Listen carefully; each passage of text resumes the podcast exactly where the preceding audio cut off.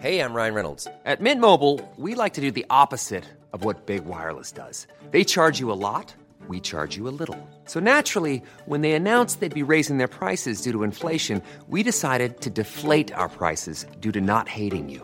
That's right. We're cutting the price of Mint Unlimited from $30 a month to just $15 a month. Give it a try at mintmobile.com slash switch. $45 upfront for three months plus taxes and fees. Promo rate for new customers for limited time. Unlimited more than 40 gigabytes per month. Slows. Full terms at mintmobile.com.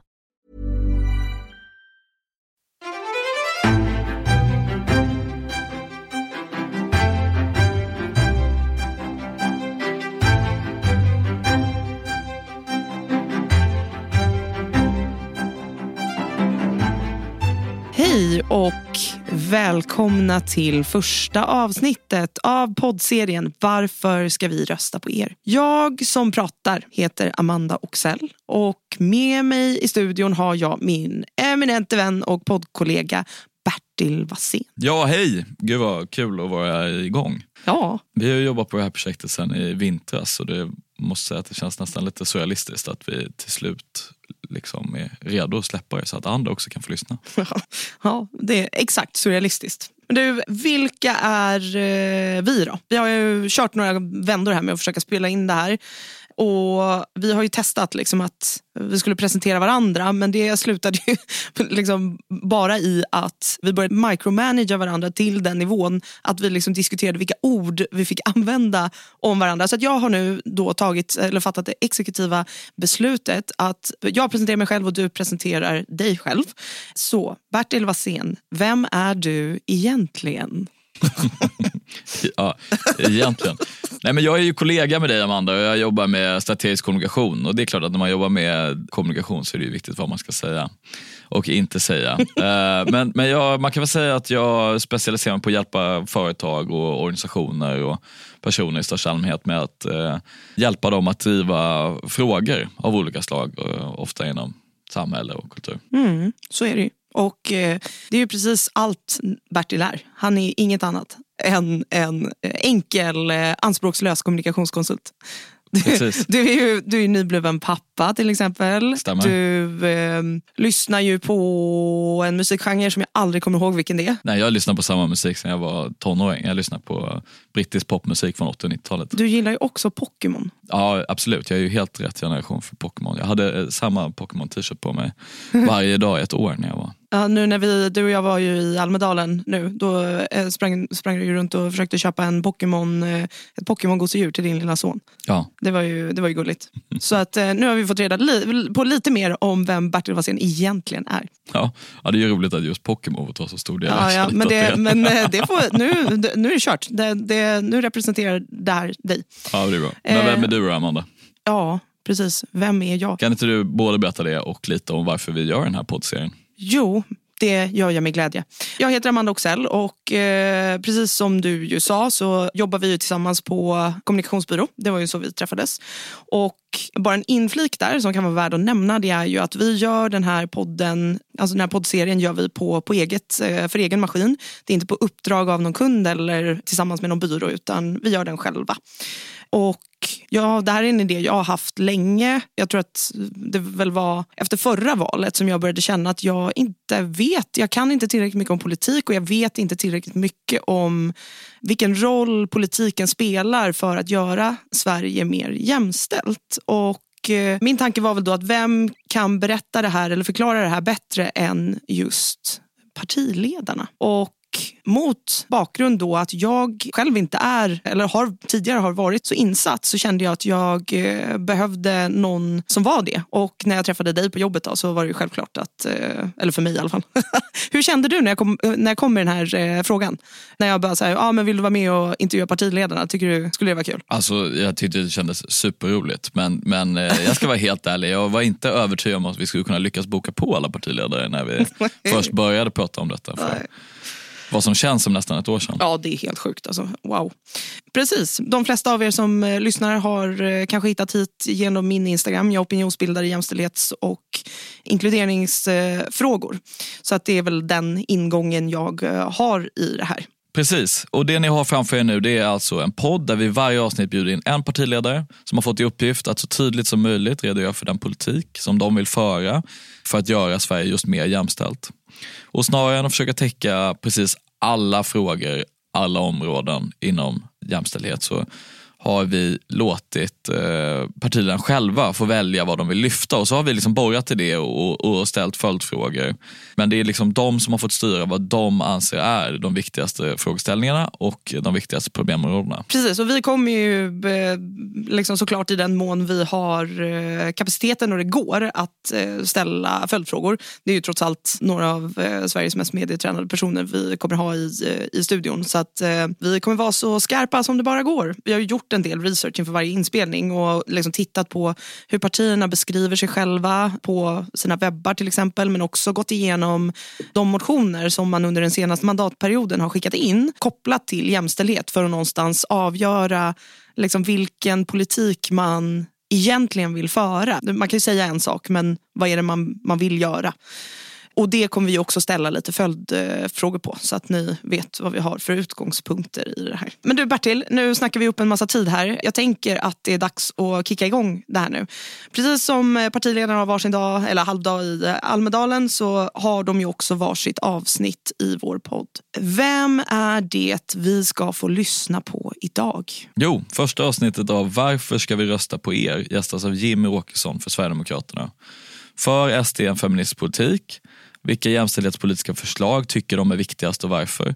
Och vad är egentligen orsaken till att Sverige inte är jämställt, om man nu köper det? Det är några av de frågorna som Jimmy Åkesson ska få svara på. Då. Och eh, så här lät det när vi träffade Jimmy Åkesson i riksdagen i våras. Välkommen eh, Jimmy Åkesson. Tack för att eh, du har tagit dig tid att komma hit och prata med oss idag. Hur mår du?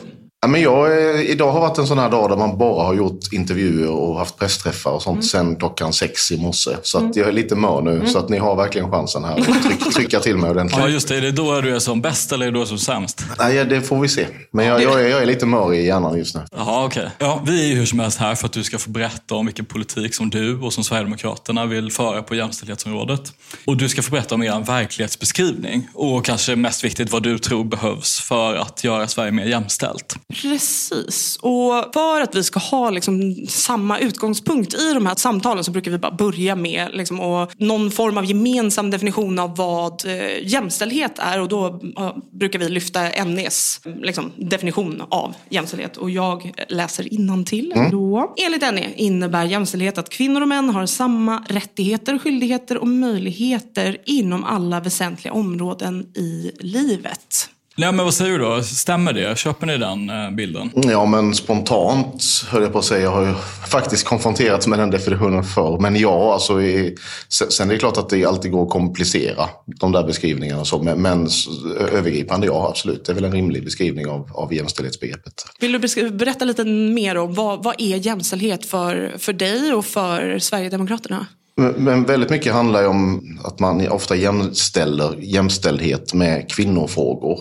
Det är ju såklart en del av det, men det är ju inte hela delen. Utan jag pratade med min jämställdhetspolitiska talesperson häromdagen som menar att, att samhället är ju både mäns och kvinnors ansvar. Och, och, det tycker jag är en viktig aspekt i det här. Sen är det klart att kvinnor är ju då de som har de mest lågavlönade jobben, lite lägre lön än män, lite beroende på hur man räknar. Utsatta för våld, primärt kanske då våld i nära relationer, sexualvåld och sådana saker. Och därför så blir det ju ett, ett särskilt liksom, viktigt att hantera utifrån det, att man förstår det. Vi pratar om forskning kring kvinnosjukdomar som är eftersatt i jämförelse. Och, ja, det är en massa sådana saker. Mm. Du nämner din, din nya jämställdhetspolitiska talesperson. Vi ja. läste ju en intervju här med honom i slutet av april i Expressen. Ja, men precis. Och du har ju tidigare uttryckt att du inte är feminist och aldrig kommer att bli det. Ni har tillsatt en ny då, jämställdhetspolitisk talesperson som uttrycker att han är feminist. Vilken roll spelar feminismen i eh, Sverigedemokraterna?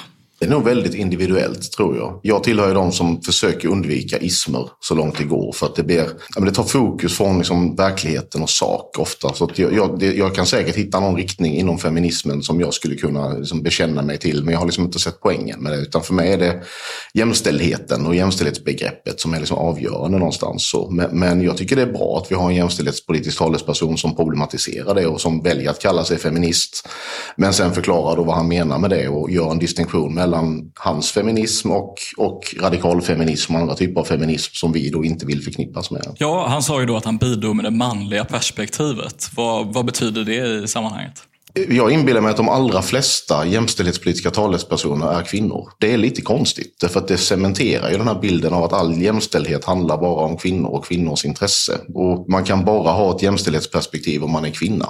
Jag tycker inte det, utan det handlar väldigt mycket om intresse, om kunskap, om, om eh, vad, vad, man gör, vad man tycker, vilka värderingar man har i grunden. Så det är så vi har värderat det här. Och det kan säkert finnas en poäng med ett manligt perspektiv i det här sammanhanget, men jag hoppas inte det är det enda han tänker bidra med, utan jag vet ju att han är väldigt intresserad av de här frågorna generellt och tror att han kommer göra ett jättebra jobb. Men är det inte ändå så att det manliga perspektivet är det som har regerat? Är det inte därför det finns en ojämlikhet idag? Men jag tror inte att man ska kanske dra så stora växlar på just det uttrycket. För att det, det är klart att har du åtta partier och, och åtta av de som jobbar med jämställdhet är kvinnor då blir det ju inte särskilt jämställt. Det som man kan tycka är lite spännande då, det är ju vilken roll hans feminism, är hans feminism din feminism? Ja, men, jag, jag är inte djupare insatt i hans feminism och exakt hur han definierar det, men jag tycker att det finns garanterat riktningar inom feminismen som, som man kan så att säga plocka in i en socialkonservativ kontext. Hur kommer det sig att du inte har eh, koll på hans eh, begrepp av feminism när det är valår och han är nyligen, liksom ganska nyligen tillsatt tillsatt men jämställdhet är ju ändå en väldigt viktig fråga för många. Ja, men alltså vilka beteckningar som olika politiker i mitt parti väljer att sätta på sig själva eller på den politik man företräder, det tycker inte jag är min sak, utan det får man välja själv. Det viktiga för mig är ju att den som jobbar med ett område, i det här fallet då jämställdhetspolitik, företräder den politik som partiets majoritet har lagt fast och bidrar till att utveckla den politiken på olika sätt. Så det är inte så att man, man blir talesperson och sen så jobbar man med det som någon annan har sagt. Utan hans uppdrag är också att utveckla politik. Och mitt mm. problem med, med feminism så som det används liksom, i debatten och så. Det handlar ju om att, att det är väldigt konfliktsökande. Lite som socialism. Alltså att man, man söker konflikt mellan män och kvinnor till exempel. Eh, det har jag stora problem med. Däremot så finns det riktningar inom feminismen som vill göra tvärtom. Det vill säga överbrygga mm. eh, skillnader, eh, intressekonflikter och sånt. Och en sån feminism tycker jag är mycket mer intressant. Eh, också en feminism som kanske fokuserar mer på hur det stora flertalet då kvinnor har det det är väldigt mycket prat i debatten om jämställdhet kring kvotering till bolagsstyrelser och den typen av frågor som kanske inte rör så många helt vanliga kvinnor i vardagen. Däremot är det ganska lite debatt om anställningsvillkoren i offentlig sektor, eh, arbetsmiljö, arbetstider, den typen av saker som berör väldigt, väldigt många kvinnor i vårt land. Jag tycker ändå att vi hör ganska mycket just om den typen av resonemang och den typen av frågor som, mm, liksom, som inte bara rör toppskiktet men det beror väl också på vem det är som pratar kanske. Så är det säkert. Eh, men det skulle vara lite intressant, för du nämnde det här med att överbrygga skillnader mellan kvinnor och män. Uttrycker du det? Ja, mer överbrygga, överbrygga intressekonflikter snarare, i den mån att det finns sådana. Vill du utveckla det lite? Vad, vad, betyder det? Ja, men det är själva motsatsen till konflikt, att man hela tiden söker konflikt. Medan som socialismen söker konflikt mellan arbete och kapital och ska kriga, så menar jag att många feminister, framförallt då de som har använt feminism för sina partibeteckningar eller vad det nu kan vara för någonting, har haft samma ingång där. Det vill säga att man ska kriga mot männen. Och jag tycker det är en väldigt dålig liksom, utgångspunkt för att få eh, stabilitet och balans i ett samhälle. Utan, dessutom är jag ju svensk och tror väldigt mycket på dialog och sådana saker. Då är det bättre att man försöker hitta liksom, de balanspunkterna i de här sakerna. Vi har ju här att du, du pratar om ismer och du sätter ju mer eller mindre ett likhetstecken mellan socialism och feminism. Eh, konservatismen är väl också en ism, får man väl ändå liksom, ja. kasta in där. Och många skulle nog hävda att feminismen har sin grund i ja, en liberal liberalismens tankegods och så vidare. Hur kommer det sig att du, du sätter det här likhetstecken mellan socialism och feminism? Det tror jag till exempel inte att Annie Lööf eller Johan Persson skulle ställa upp på. Eller Ebba Busch för den delen. Nej, men det är lite det jag menar här, att det finns garanterat olika riktningar inom feminismen. Men för mig och för väldigt många, tror jag, i mitt parti så förknippar man feminismen med Gudrun Schyman och, och hennes gamla parti. Och den strömningen, det vill inte jag förknippas med. Vi har snuddat lite på det här med normer och så. Och vi har också pratat lite kort om kvinnor och män. Ni har ju, eh, den här frågan har du säkert fått en, en miljard eh, gånger, men ni har ju en, ett YouTube, eh, en YouTube-kanal som då leds av företrädare för Sverigedemokraterna, Riks. Ja, den är ju inte vår, utan det, vi äger ju den, men det, partiet har ju en egen YouTube-kanal. Sen ja. är ju Riks är ju... Men ni äger Riks? Ja, vi äger bolaget som äger Riks. Ja, så, så det som sägs där ska vara representativt för er? Inte egentligen mer än det som skrivs på Aftonbladets ledarsida är socialdemokratisk politik. Alltså det är ju, jag lägger mig inte i deras publiceringar och så. Utan... Aftonbladet ägs ju inte av Socialdemokraterna. Nej, det gör det ju förvisso inte. Men, men, låt oss säga Kristianstadsbladet då, som åtminstone tidigare ägdes av Liberalerna. Men det är inte ingen som frågar liksom, Liberalerna om saker som skrivs på ledarplats där. Till exempel. Jag ser det likadant. Ja, och i ett avsnitt av Riks då så beskrivs kvinnor som känslostyrda och påverkade av sina modersinstinkter. Som har svårt att förstå när män använder svåra ord eller pratar om komplexa saker som budgetar. Medan män beskrivs vara bättre lämpade som ledare och har lättare för kritiskt tänkande. Kan det vara anledningen till att kvinnor väljer att vara hemma med barnen och mm, liksom män jobbar? Är det, är det en hållning ni har inom partiet? Eller? Nej, alltså det här är ju två opinionsbildare som sitter och diskuterar någonting. Jag tror inte att någon av dem är medlem i mitt parti. Så att jag känner inte att jag behöver vare sig recensera eller kommentera det de har sagt i det här klippet som jag för övrigt inte har sett utan bara hört en väldig massa om. Men borde, borde du inte ha tittat på det om du har hört så mycket om det? Men vad är din åsikt då? Håller du med om det påståendet? Eh, jag ska ärligt säga att jag lyssnade inte fullt ut på exakt vad, vad, du sa. Men jag vet inte om det finns någon anledning för mig att liksom ge mig in i det. Jag tycker inte att det är politik. Det vi är ute efter Jimmy, det är egentligen att du ska få ge din verklighetsbeskrivning av hur Sverigedemokraterna som parti och du som partiledare ser på kvinnor och män, deras liksom, möjligheter och rättigheter i samhället. Och då innebär det också, någonstans så signalerar ju det att en eh, medieplattform som ni äger tillåts uttrycka de här, eh, den här typen av åsikter där man beskriver kvinnor som icke-kompetenta. Alltså jag måste stoppa det där för jag köper inte det resonemanget. För att skulle jag lägga mig i deras publiceringar så skulle jag få massa kritik för det också. Alltså,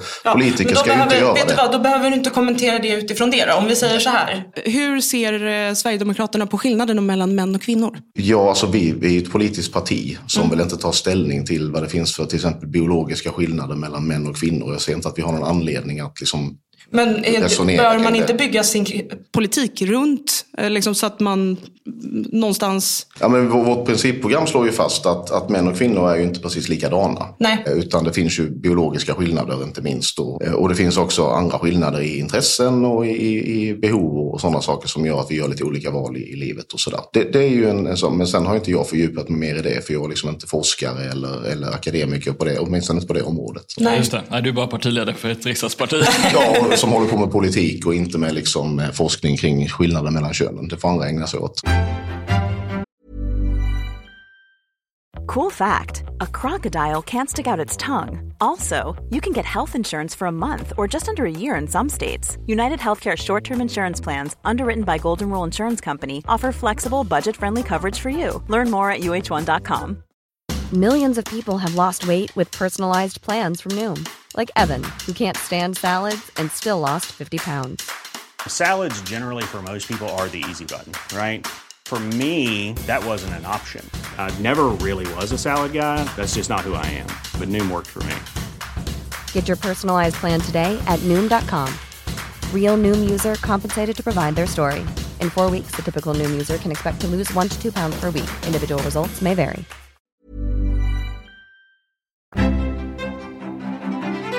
Men eh, jag tänker att vi ska gå in lite på grundproblemen. Vad är det som ni ser är de problemen som vi måste lösa för att Sverige ska bli jämställt? Kvinnor är otrygga utsätts för våld både i, i, i nära relationer av bekanta, som det heter i statistiken. Det är ett stort problem. Kvinnor utsätts för sexual brott i väldigt hög utsträckning. Och vi har en, en, en, en obalans på arbetsmarknaden i att de yrken som kvinnor väljer i högre grad, inte minst då inom offentlig sektor eller motsvarande vård och omsorg, eh, är förknippade med dålig arbetsmiljö, dåliga arbetsvillkor, dåliga arbetstider. Man sliter ut sig i förtid och, och får en sämre ålderdom, sämre pension eh, och så vidare. Det är väl några av de problem som också vi identifierar. Och om vi går in på det där med de kvinnodominerade yrkena då, vad, vad är det ni vill göra för att skapa förändring där då? Ja, som politiker så kan man ju eh, framförallt eh, genom finanspolitiken skjuta till pengar till kommuner och regioner så att man kan förbättra arbetsmiljö.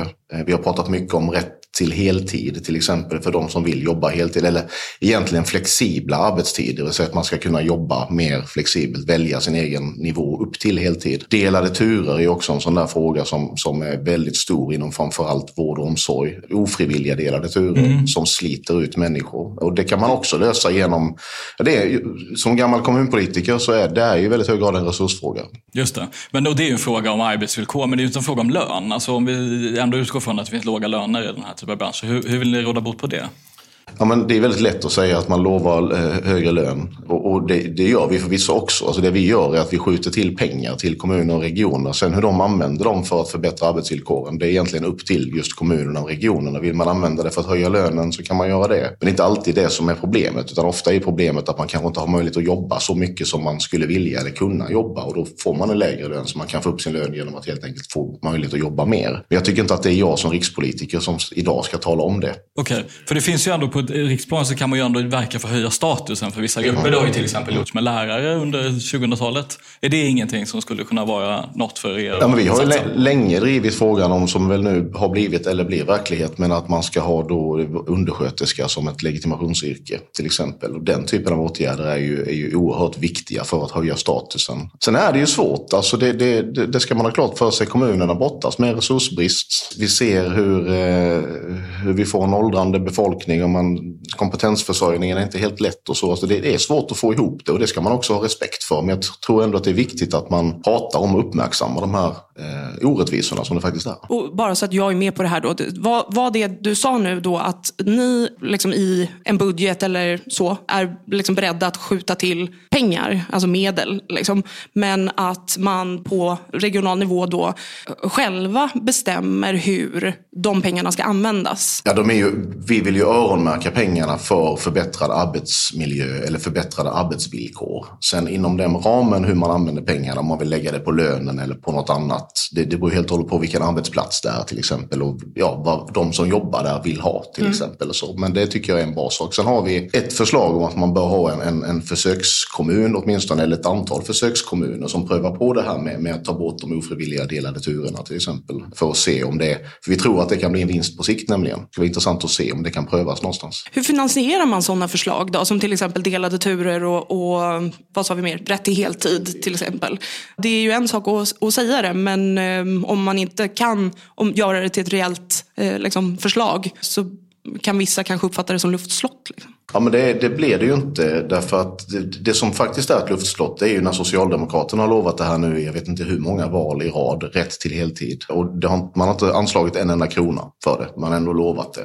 Men ni skulle anslå? Vi har anslagit, i alla våra budgetar, ja. i alla fall på senare år, så har vi anslagit en summa pengar. Sen är den förmodligen inte tillräcklig, men det är ett stimulansbidrag. Sen får ju kommunerna skjuta till sitt. Om man tycker att det här är en viktig prioriterad sak så får, vi, får det ju vara en kostnad som man delar då med, med kommuner och med regioner. Och som jag säger, och det finns forskning också som visat att både alltså delade turer, de är ofrivilliga och man kan få bort dem och framförallt möjliggöra för människor att jobba heltid så kan det bli mer eller mindre kostnadsneutralt om när man väl har implementerat det. Det som kostar är implementeringen. Vi har nu pratat lite om lönerna. Du pratade också om otrygghet eh, och sexualbrott. Det är ett problem, säger du då. Det är nog de flesta beredda att hålla med om. Men hur vill ni råda bot på det? Hur vill ni lösa det? Ja, det finns ju inte en åtgärd. Men, men vi, vi är ju för hårdare straff. Vi är för att, att farliga människor ska samhället ha under uppsikt på olika sätt. Eh, om man inte har dem inlåsta, de allra, de allra farligaste ska ju sitta inlåsta i vår uppfattning. De som kanske inte bedöms som riktigt lika farliga bör kanske ändå vara övervakade på något sätt. Alltså vi, vi pratar om förvarsdomar till exempel, eller att möjlighet att ha fotboja också efter avtjänat straff för att man kanske bedömer att en person ändå skulle kunna vara farlig och, och ha stor risk för återfall och så. Så då sa du hårdare straff. Eh, då är det ju ändå så att eh, om man tittar på just sexualbrott så är det ju väldigt få anmälningar som överhuvudtaget leder till fällande dom. Så i de fallen så är väl eh, hårdare straff Oavsett vad man tycker om det, inte en lösning. Ja, ja det kan, ju, kan man ju säga förvisso då till den som utsätts för en återfallsförbrytare som kommer ut efter sin fjärde vända i fängelse och begår sin, sin 51 våldtäkt. Ja, det är klart att håller du farliga människor inlåsta så kan de inte begå brott mot oskyldiga människor. Så det är klart att det är en lösning. Sen är det inte hela lösningen, men jag tror att det är en lösning. Har ni några förslag på hur man i högre grad kan lagföra sexualbrotts... Ja, men det, är, det är den andra delen, det vill säga att vi behöver också stärka hela rättskedjan, Eh, rättsväsendet. Eh, det är helt orimligt att polisen vilket då har uppmärksammats vid, vid ett antal tillfällen hur man har då lagt våldtäktsanmälningar på hög mer eller mindre för att man inte haft utredningsresurser. Så får det inte vara utan vi, vi vill ju stärka polisen. Vi vill stärka också polisens utredningsmöjligheter med fler civilanställda och sådär. Så det jobbar vi för naturligtvis. Då har du nämnt obalans på arbetsmarknaden, eh, otrygghet. Vad finns det mer för problem då som eh, man behöver åtgärda för att samhället ska bli mer jämställt? Det finns en väldig massa problem men, men om vi tittar på eh, alltså kvinnors hälsa eh, i allmänhet är väl också ett sånt område som är eftersatt. Det är ganska länge sedan jag, jag läste på kring det här med kvinnosjukdomar och så, men, men just forskningen kring kvinnosjukdomar och, och traditionellt manliga sjukdomar, det har funnits en obalans där helt enkelt och det, det bör man kanske råda bot på på något sätt. Så man, man, när man testar ut olika medicinska preparat så testas det i högre grad på män eller utifrån mäns eh, problem och sådär och det, det, är ju inte heller bra därför att det drabbar ju kvinnor då eh, i, i, med biverkningar och sådär. Så att den, det, det perspektivet måste finnas med där också naturligtvis. Nu kommer vi be dig att lista de tre viktigaste politiska förslagen som ni vill driva för att göra samhället mer jämställt. Och här får du gärna styrka det med ett resonemang kring varför just de här förslagen är de viktigaste. Så gärna ett och ett Mm. förslag i taget. Jag tänker så. Ja. Ja. Vi kan väl börja med arbetsvillkoren in, inom vård och omsorg då. För det tror jag är det som Eh, skulle hjälpa jämställdheten allra mest. Eh, det berör väldigt många kvinnor bättre arbetstider, bättre arbetsmiljö, högre lön i den mån det är, är, möjligt eller i den mån som det är det som är problemet. Att överhuvudtaget göra vårdyrket mer attraktivt så att man får in fler arbetskamrater och så. Det tror jag är den kanske enskilt viktigaste jämställdhetsfrågan. Sen har vi såklart våldet, tryggheten. Väldigt många kvinnor är otrygga. Det finns många undersökningar eh, kring det här men, men som visar att kvinnor är rädda för att gå ut när det är mörkt till exempel och så. Det är ju gigantisk begränsning i människors vardag. Och det är oacceptabelt. Så då behöver vi stärka rättsväsendet över hela rättskedjan egentligen. Allt från polis och åklagare till, till domstolar och, och, och eh, eh fängelseplatser och allt vad det kan vara. Ett tredje förslag skulle till exempel då kunna vara att vi behöver en, en mer eh, bättre balans när det gäller forskning kring sjukdomar som drabbar också kvinnor i högre grad. Just det, och, och de tre har vi ju nämnt. Ja. Är, det, är det, det, räcker det? Om, man, om du råder bot på detta, säg att vi börjar forska mer på kvinnosjukdomar. Du stärker rättskedjan med fler poliser och långa straff där eh, förbrytare inte kommer ut på väldigt lång tid. Och lyckas förbättra eller göra kvinnodominerade branscher mer attraktiva. Är Sverige då ett jämställt land? Det beror ju på vad man relaterar det till såklart. Eh, Sverige har ju varit... Kommer det vara jämställt mellan nej, könen? Nej, det kommer det inte vara. Beroende på hur man mäter. Alltså mäter man det kvantitativt så kommer det inte att vara det. Men det kan bli mer jämställt. Och det är klart att man kan föra många resonemang kring det här. Men tittar vi på liksom högre utbildning idag så är det ju i väldigt hög grad kvinnor som läser vidare efter gymnasiet till exempel. Så att... Det är också väldigt mycket högre utsträckning kvinnor som är hemma med barnen till mm. exempel. Mm. Är, är öronmärkt föräldraförsäkring någonting som ni är positiva till? Ja, vi vill ju ha en helt avreglerad föräldraförsäkring så att familjerna kan bestämma själva utifrån deras situation. Sen får ju det då, eftersom det då naturligt ofta blir mest kvinnan som är hemma, så behöver man ju då kompensera det på olika sätt.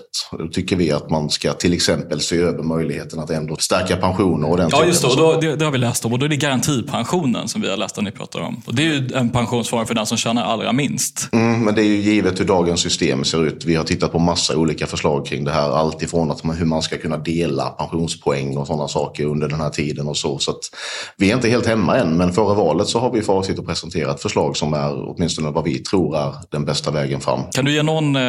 Nej, jag vill inte göra det för det är så oerhört komplext system. Så att jag vill inte göra det utan att, att eh, vi har landat helt. Men, men jag kan ändå säga att jag tycker att det är en viktig sak. Eftersom när familjerna får välja själva så blir det oftast mamman som är hemma med barnen och då behöver hon kompenseras på något sätt senare i livet för det hon har förlorat. Och varför ska det vara så att kvinnorna är hemma i hög utsträckning? Måste det vara så? Nej, det måste inte vara så om de väljer Men det känns familjerna. som att du räknar med att det ska ja, vara så? Ja, jag räknar med att det är så därför att det har varit så och kommer förmodligen att vara så. Och... Varför tror du att det är så, Jimmy? Min bild är att de allra flesta familjer väljer att ha det så.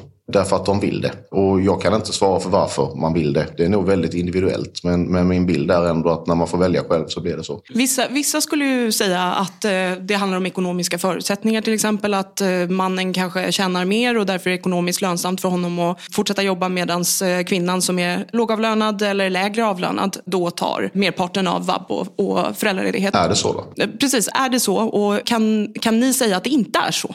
Ja, men forskningen ger väl lite olika bild av det där. Eh, Är det så? Ja, även i de fall där kvinnor tjänar mer än mannen så är hon också hemma i högre utsträckning. Och så har jag sett i alla fall. Så Just det. det tror jag många skulle säga att det handlar om normer i samhället. Och det finns ju de som verkar för att man ska förändra normerna. Men ser du ett behov av det? Nej men alltså, jag, jag vet inte. Jag, jag kan ju egentligen vara relaterad till min egen situation. Jag hade nog inte så mycket val. Hade jag sagt att nej minsann, jag ska vara hemma eh, eh, mer än du så hade det inte hänt. Eller lika mycket. Jag hade inte fått det. Det hade blivit ett väldigt bråk. Därför att eh, mamman ville någonting annat. Så eh, kvinnor är hemma i högre utsträckning för att de vill det. Jag kan inte svara på vad alla kvinnor eh, tycker och vill, men, men faktum kvarstår ju att när man lämnar det fritt så blir det så att kvinnan väljer att vara hemma. Med. Men, men ligger det någonting i att det finns normer i samhället som indirekt säger att kvinnor bör vara hemma och ta hand om sina barn och män inte ska göra det? Ligger det någonting i det? Nej, jag tror inte att det finns en sån norm i Sverige idag. Tvärtom så är det väl normen är väl att man är en god man om man tar ut mycket föräldraförsäkring, mycket, många föräldradagar. Så att det vet jag inte om jag håller med om. Men... Jäkla massa skitmän vi har i Sverige då, eller? Nej, det tror jag inte alls. Utan familjer väljer själva. Eh, Och, och jag tror att väldigt många kvinnor vill vara de första månaderna med sina barn. Många kvinnor väljer att amma sina barn till exempel. Och, så, och det är svårt att göra om man samtidigt jobbar heltid till exempel. När man tittar på er webb så, liksom, och tittar på motioner som ni anför och så, där, så är det ändå en betydande del av motionerna och texterna som handlar om, eller som verkar lyfta invandringen som en, en bidragande faktor i jämställdhetsproblematiken. Och den pratar om ett parallellt skuggsamhälle och, och så. I era motioner så presenterar ni liksom den, den främsta lösningen ni presenterar när man tittar på motionerna är att stoppa invandringen så stoppar man de här problemen. Till exempel, då behöver vi inte deala med hedersvåld till exempel, eller hederskultur och, och sådär. Innebär det att er politik bara värnar om svenska kvinnor? Nej, såklart inte. Men, men man måste nu ändå någonstans förstå att det här är ett uttryck för en, en beskrivning av hur fick vi hit hedersproblematiken? Hur, hur blev det ett stort problem i Sverige? Och det växte ju inte upp som en svamp ur jorden utan det är ju ett importerat liksom, fenomen. Och, och hade vi fått bestämma så hade vi inte importerat det fenomenet. Och det tycker jag ändå kan vara en viktig poäng att göra. Sen förstår ju jag också att nu har vi det fenomenet i Sverige. Det är ett stort fenomen med, med liksom flickor och kvinnor som hålls tillbaka från både utbildning och arbetsmarknad och sådana saker. Det är klart att vi har ett antal åtgärder för att underlätta också för dem. Till exempel så vill vi ha obligatorisk förskola i de här områdena om man har två utrikesfödda föräldrar. Och det är ju för att hjälpa just flickor att ta sig från hemmet med de här strukturerna och få en kontakt med majoritetssamhället. De som är här då, till exempel så skulle ju vissa säga att det är svårare för utrikesfödda kvinnor att komma in på arbetsmarknaden och bli en del av, eh, del av samhället. Och samtidigt då så ser man ju i en del av era motioner att ni vill liksom montera ner eller avveckla en del verksamheter som syftar till att liksom få in kvinnor, utrikesfödda kvinnor i Sverige. Så, hur ser du på det? Vad gör man för att hjälpa dem? Ja, det vi vill ta bort är ju sånt som inte fungerar och som inte ger någon effekt och som kostar väldigt mycket pengar. Alltså väldigt mycket av arbetsmarknadspolitiken generellt är ett rent slöseri menar jag och inte minst kopplat till det där. Och det här bygger ju också på att man inte många gånger förstår varför kvinnor i vissa minoritetsgrupper inte arbetar. Det är ju inte för att de inte kan eller vill utan ofta för att de inte får eller det finns ingen tradition av det. Eller för att de helt enkelt har en, en, en, ja, en mer föråldrad, utifrån ett svenskt perspektiv, syn på roller i familjen och sådär. Men borde de inte också få välja att vara hemma då? Om man ska... Det är klart att man får, men det är samtidigt så det är klart att de får välja det själva. Men det, jag tror att alla håller med om att i ett land som har byggt på i modern tid att både mannen och kvinnan i en familj faktiskt har ett arbete så blir det ju en, ett väldigt problem för de familjer där man ändå väljer att inte göra på det sättet. Är inte det normer och kultur då? Eller normer och strukturer som gör att de här kvinnorna... Ja. Jag har aldrig då- förnekat att det finns normer och strukturer. Men, du, men finns... du tror inte bara, när, när det kommer till svenska kvinnor, då finns det inga normer och strukturer som gör att svenska kvinnor inte liksom, väljer att jobba? Nej, men jag, jag, det, jag, så det finns ju många förklaringar till att kvinnor väljer att vara hemma med barnen. Tror jag. Men, jag tror att för svenska kvinnor så är det mycket mindre förtryckande strukturer jämfört med kvinnor som kommer från Mellanöstern eller Afrikas horn eller vad det nu kan vara någonstans. Och så, det, det är ju nog ingen som liksom säger, eh, säger emot, att de ser olika ut. Så. Men då är det ändå så att liksom, i viss mån så är det normer och strukturer som gör så att kvinnor i högre utsträckning inte söker sig tillbaka till arbetsmarknaden utan faktiskt då stannar hemma med barnen. Pratar vi generellt nu eller pratar vi om, om eh, kvinnor från vissa minoritetsgrupper? Nej, vi pratar generellt. Men jag tror att många, många svenska kvinnor väljer själva. Och de är bekväma i det Och då valet. menar vi etniskt svenska kvinnor som inte har Ja, eller danska eller tyska eller, eller assimilerade från andra delar av världen också för den delen. Alltså människor som har västerländska värderingar är nog väldigt bekväma i väldigt många gånger i det val de själva gör. Och då har vi sista frågan. Tio sekunder nu, Jimmy Åkesson. Varför ska vi rösta på er? För att Sverigedemokraterna är det parti som lägger allra mest pengar på både regioner och kommuner så att man kan förbättra arbetsvillkoren i vård och omsorg. Tack snälla för att du tog dig tiden att prata med oss idag. Tack så mycket. Tack.